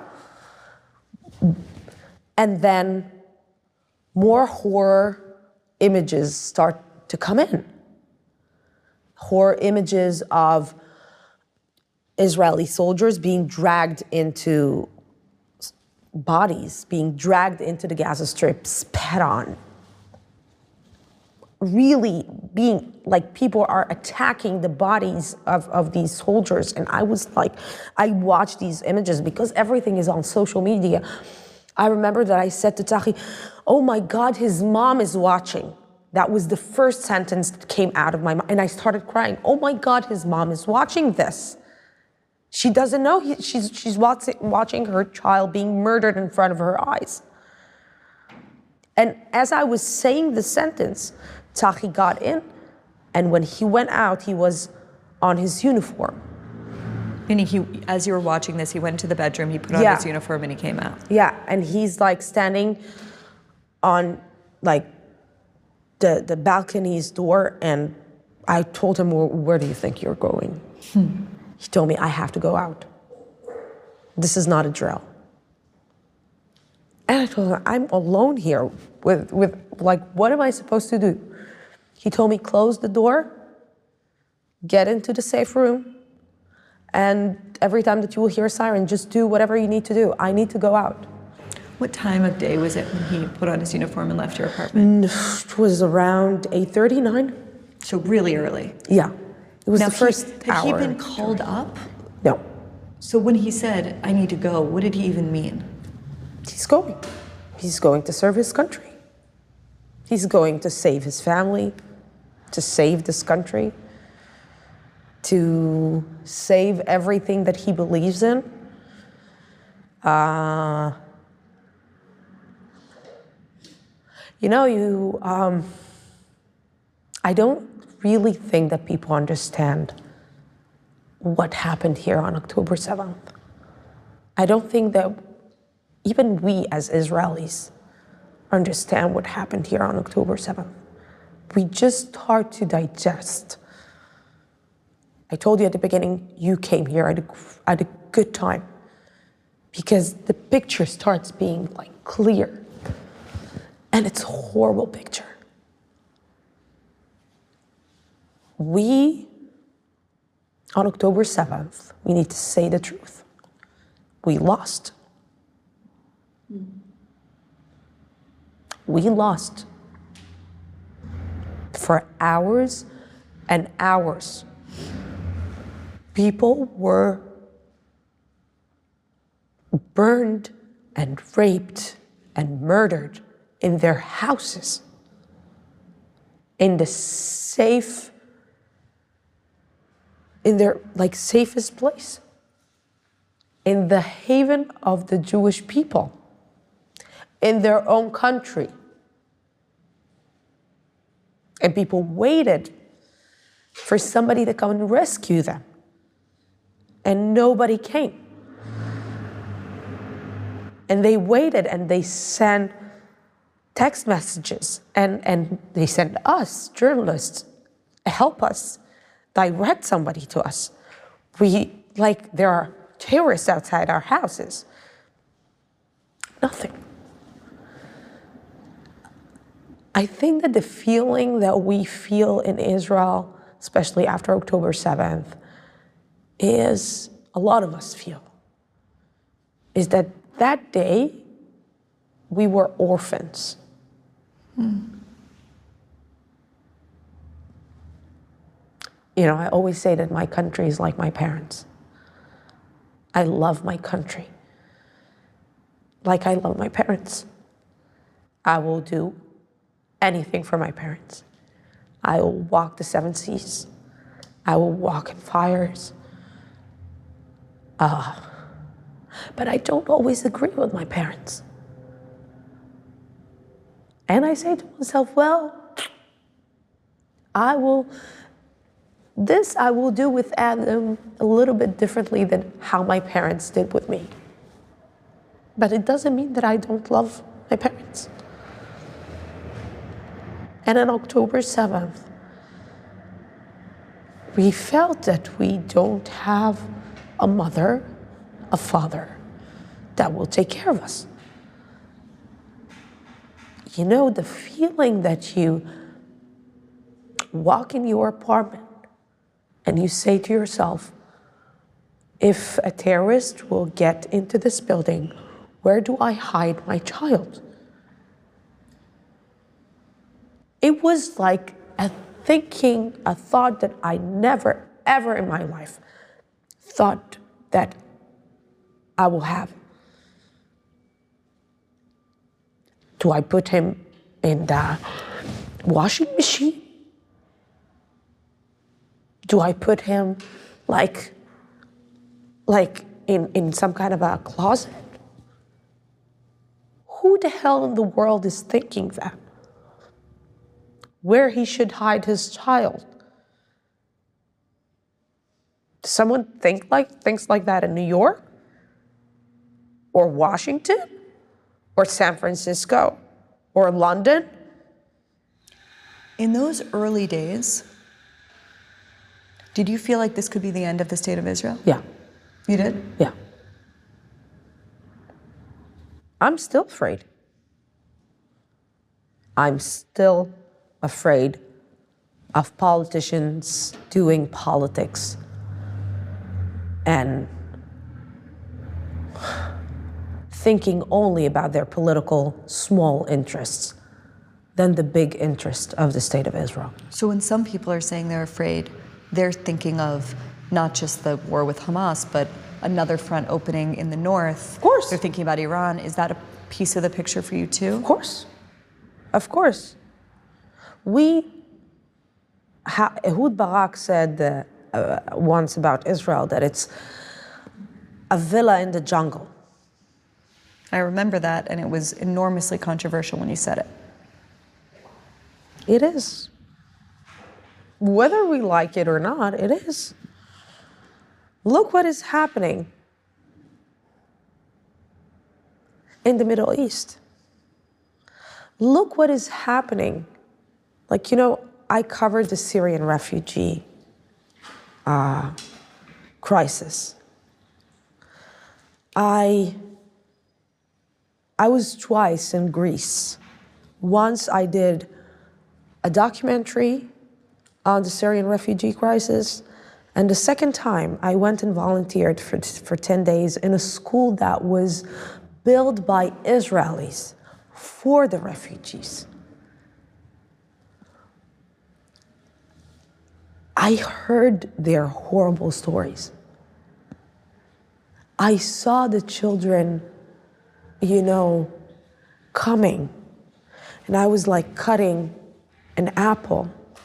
And, you know, I, I, I whatever was left from it, I, I, I closed it to the gar, I, I dropped it into the garbage and I, and I saw children coming to the garbage and taking it from there. And I remember going back home and I said to myself, this can't happen in 2020. How come this is happening in 2018 or 2017? I don't understand it. It's like the world is so, you know, it's 2017 in the name of God. It's 2018 in the name of God. It's it's how come people just their lives changed like that? How do you explain? I mean, right now, there's, I don't know if you'd call it a jihad or what, but a, a total decimation of Christians in Nigeria by Islamists. You look at what's happening in Syria, you look, you look all over the world. And it's people like the guy that stared at you from the window when you were five years old, or the people that carried out October 7th, terrorizing people, including Christians, Jews, other Muslims all over the world. And there are lots of people who look at that and say, what Israel's fighting fundamentally is not a war with Hamas, it is a fundamental war between Western civilization and Islam. And what do you say to that? Because you are Muslim. You know, I, I, I see what these fundamentalists are doing in the name of Islam. I see what they're doing in the name of religion.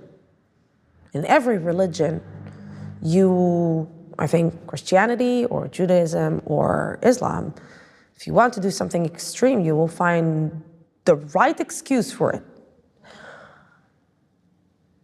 I think that we are giving up on education.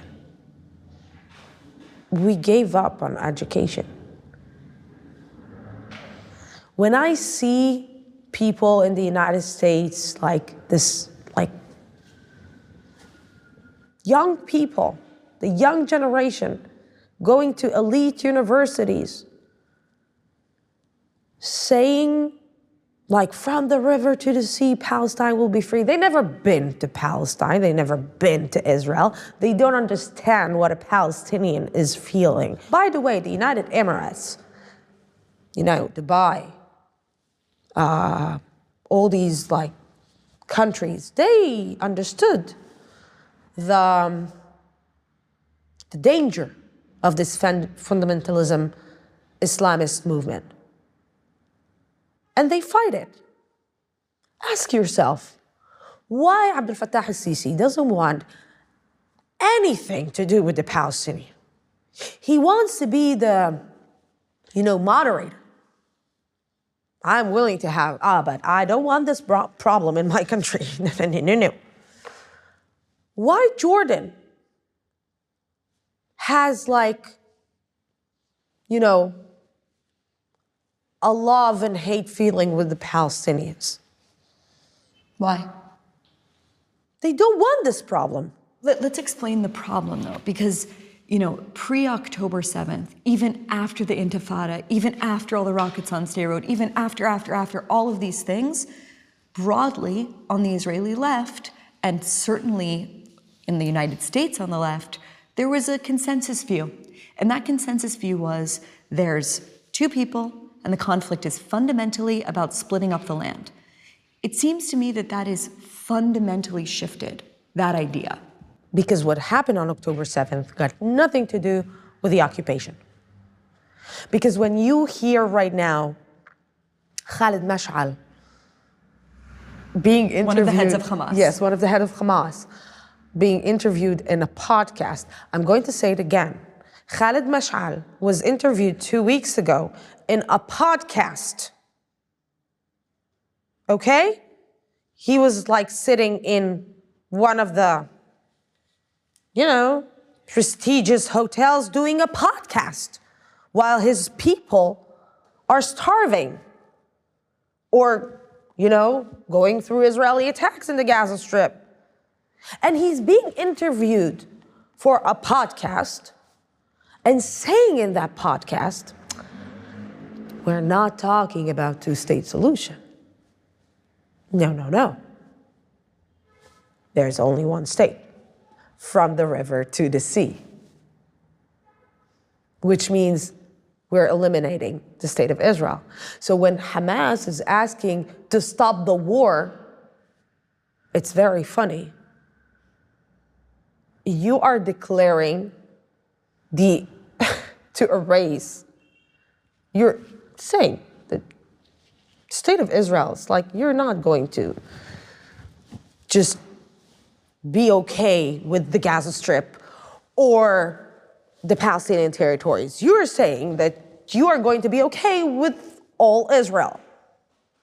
So when you're asking to stop the war in the same sentence, it's a little bit funny. And at the same time, another leader of Hamas is they're basically laughing in the face of the international community. They're looking at these young people marching on the streets, shouting in the name of a terror organization, and they're laughing. So when you teach people, when you educate people to speak in a soundbite and not give and not read, you know, I remember the guy that I fell on his like the day of the terror attack. There was a, a very old man that I fell next to him. When I fell on the, on the ground, my face hit the ground. There was a guy that sold like a small um, like um, uh, shoes. And he looked at everything that happened and he told them, Ya welcome in Allah. Where will you escape from God? These are innocent people. Where will you escape from God? I think that these fundamentalists, these extremists, don't want us to ask the right questions, don't want us to question things that are said, that are done, It's easier to have a villain in, you know, in in religion everything is very clear. This the, the good guy, the bad guy, we are the last ones. We no. You said earlier to me that on October 7th, Israel lost the war. Mm-hmm. But of course, the war, you know, to fight Hamas hadn't really begun on October 7th. It would take a few weeks. And now we're almost four months into that war. Do you think it's possible for Israel to, like, there's, there's a paradox, right? On the one hand, Israel must win the war mm-hmm. because a democratic country cannot live with a terrorist group at its border, promising to do it again and again and again. On the other hand, other people say you can't defeat an idea. And this is an idea. So, can Israel win the war? Like you said, Israel has to win. It doesn't have another chance. It doesn't have any other choice. And I chose the word chance and choice. We have to win this war. You know that the reaction is going to be harsh and brutal. And you want the reaction to be harsh and brutal Why? because they want to kill our sense of humanity. I was angry and frustrated about this terror organization because they took from me the ability to, to um, look at the other side with compassion. At the beginning of these days, they killed compassion, the sense of compassion in me. They murdered the sense of compassion in me, of humanity. Me not being able to look at someone else and say, okay, I need to look at this too. I didn't want to look. I didn't want to see. I'm not interested to see. And this is what Hamas wanted to do. And he was able to do it. A lot of Israelis. And you know what?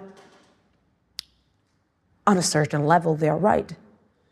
They don't want to even listen about the misery of the people in the Gaza Strip. They don't want to, be, to have compassion towards the people in the Gaza Strip because they say to, to themselves they didn't have any compassion when they came and burned us alive. Why should we have compassion to them? And I understand that. But then I say to myself, we lost that day, and they want us to lose this war. I'm not willing to give them this uh, the benefit of them looking and seeing that we lost our humanity. We are not Hamas. Israel is not Hamas. And this is why, in the last few days, in the last few weeks, I started watching what is happening in the Gaza Strip. It's horrible. It's not easy seeing the images coming out from the Gaza Strip. And I feel sorry and painful for babies, for children, for men and women who are being killed in this war. No one should experience this. No one in this world should experience not what we experienced and what the Palestinian people in the Gaza Strip are experiencing. The next generation of the people living in the Gaza Strip in 20 years, if we want them, if we want to start looking for forgiveness between Israelis and Palestinians, we need also to be part of the solution. We cannot just say it's not our problem. These are our neighbors. We don't have any other neighbors.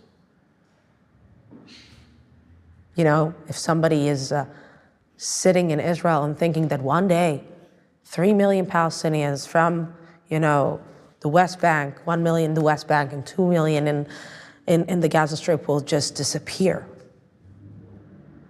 You're living in a really, really, really bad conception. And Israel, I'm announcing as an Israeli Muslim Arab woman, is not going to disappear anywhere. Nor the Jewish people. The Jewish state is here to stay. Now, we need to be part of a solution. And to just look at the geopolitical situation, we have a great opportunity. Everybody have political interests. Everybody have interest in the Middle East. You know, we have peace agreement with Jordan. We have peace agreement with Egypt. We have the Abraham Accords, and Saudi Arabia is winking and telling us. So we need to be really, really, really, you know, blind not to see the great opportunity where a lot of political interests come together for Israel and for the Palestinian people. We just need to open our eyes. Before we left the interview, we asked Lucy about her parents. We wanted to know a little bit more about what they think of her work, her life, and what she's become. They're, they're really proud. They, they're amazing. Really, they I paid mean, a they huge. sound uh, unbelievable. I cannot be grateful enough for them. And you know, them accepting Tzachi as they are. The day that Tzachi, like on October 7th, when my mom knew that he's going to, to the battlefield and he's going, she cried her eyes out. He's like her son. Got nothing to do with the fact that she's Muslim or he's Jewish or we have a child. His name is Adam.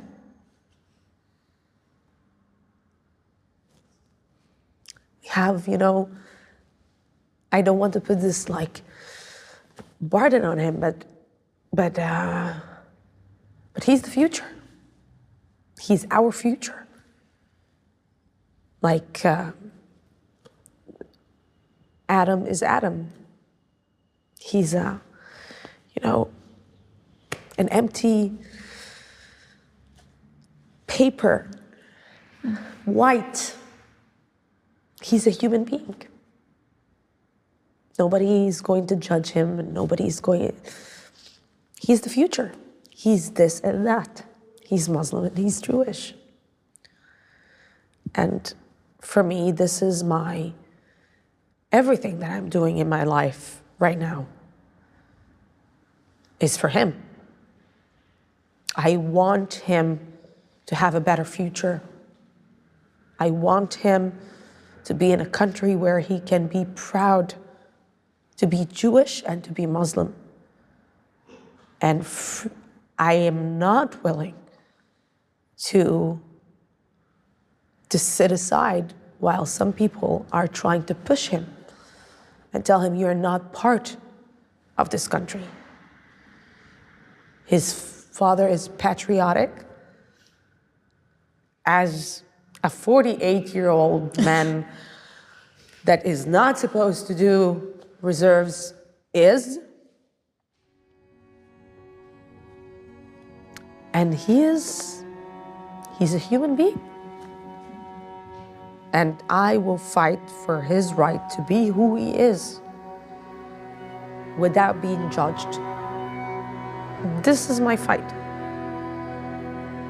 I can't thank you enough for giving Thank us this time. I know how busy you are. and Yeah, I'm so I- grateful. Now you have to go. Go.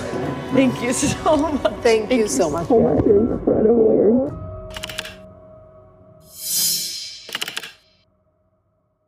difficult because there is a huge range of beliefs, and I have Jewish friends of mine who go on the Saturday marches. Really?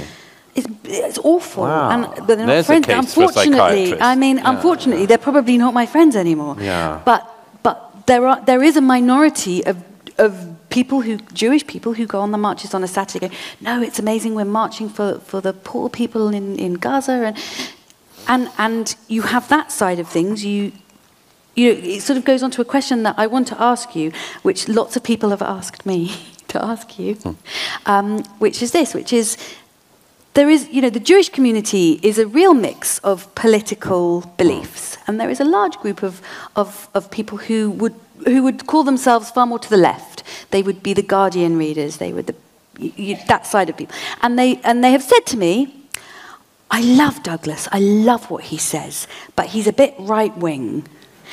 And they say, how do I balance the, the, my political oh. beliefs with what he's saying and his, his more right wing beliefs? And they're, they're struggling with that. I tell you, I've got one response. And how about Tell asking me. them to tell the truth?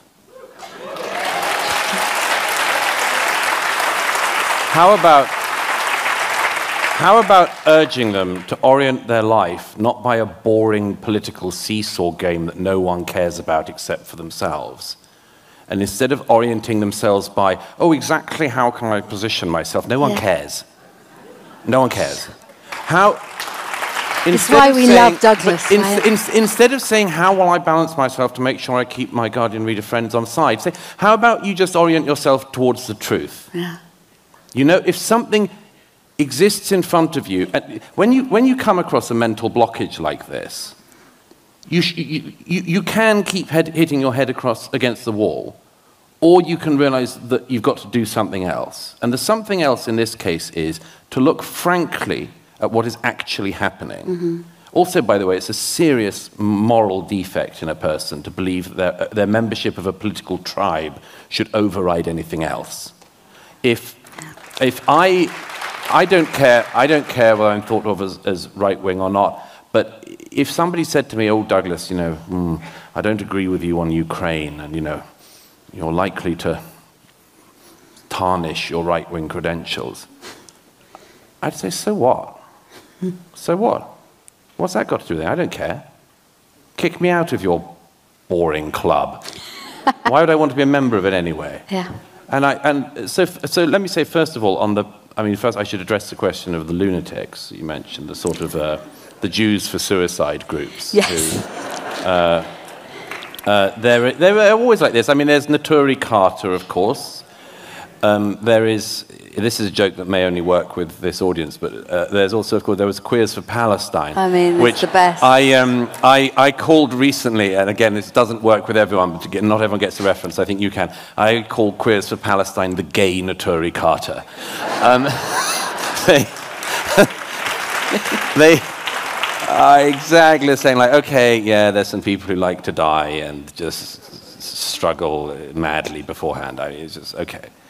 Um, the, but then inside from that, I would urge your friends who say this to listen to the testimonies of people from the kibbutz who I've spoken with, who were far to the left of any of the people you're talking about, I can guarantee. Absolutely right. Absolutely. And, right. you know, I. If you go round the, the, the, the sites, they've been cleaned up a lot now. They weren't when I was there, it was pretty fresh.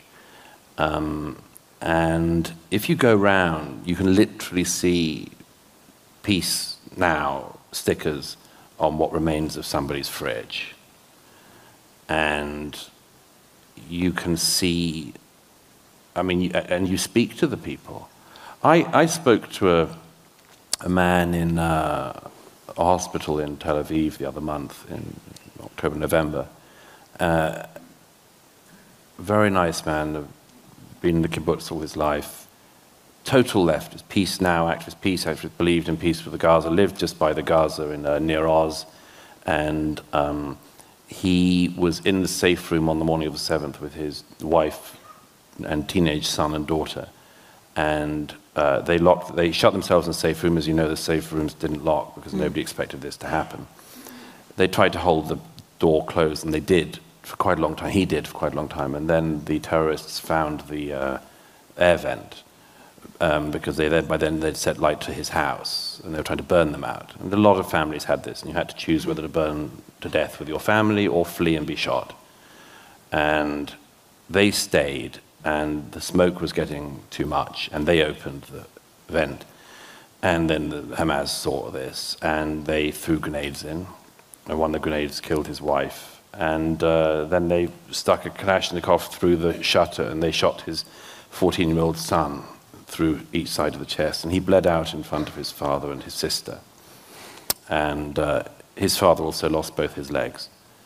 And uh, it was heartbreaking. He, he described his son said to him as he was dying, uh, Would you bury me with my surfboard? He said, We said, Would you bury me with my surfboard? And when the, um, when the authorities came to ask if he wanted anything from the house that was burnt, he said, Only one thing, if you can find my son's surfboard. And he buried him with it. Um, he said to me at the end of our time together, he said, You know, Douglas, I've been a leftist all my life. I want nothing but potato fields from here to the Mediterranean. I can't, we can't live with these people. Mm. Now, there are hundreds of stories like that. Everyone's heard of the 75 year old woman who spent her life driving Palestinian children to hospital. I mean, imagine what it's like for the people who, and I've spoken to a lot of them, were so dedicated to the idea of people in Gaza, Palestinians in Gaza, working with them in Israel, mm. getting a better life. Just around the time of the 7th, there was meant to be another increase in the number of workers allowed each day from Gaza into Israel to work. And that was all the international community were pushing Israel to allow more and more workers in. And I've spoken to a lot of people in the kibbutzes who were friends with these people, were friends with Palestinians, employed Palestinians, worked with Palestinians, tried to, tried to do everything they could to make this work. And they discovered that when people came into their communities, they knew exactly where to go. Exactly. They knew, for instance, in one of the kibbutz, they knew where the house of the head of security in the kibbutz was, and they went and they shot him and his family, and then they would, went door to door everywhere else. Yeah. Uh, so I'd say to your friends, you know, sleep and dream while you can, because not everyone has that luxury. The people of Nir Oz didn't have that luxury. The people of Be'eri didn't have that luxury. The people of kibbutz after kibbutz and town after town. That everybody who went to the Nova party wanted peace. There were young people who wanted to dance and have a good time. And if you'd have said to them, Do you dream of a day that you can dance with your Palestinian neighbors? They would have all said yes. So Absolutely. But you know, your, and these people could have been your friends and mine. And if this party had been going on in this country, our friends would have been there. So I'd say to your friends, I beg you, have some empathy and understanding for the people who can no longer afford to dream dreams that you dream.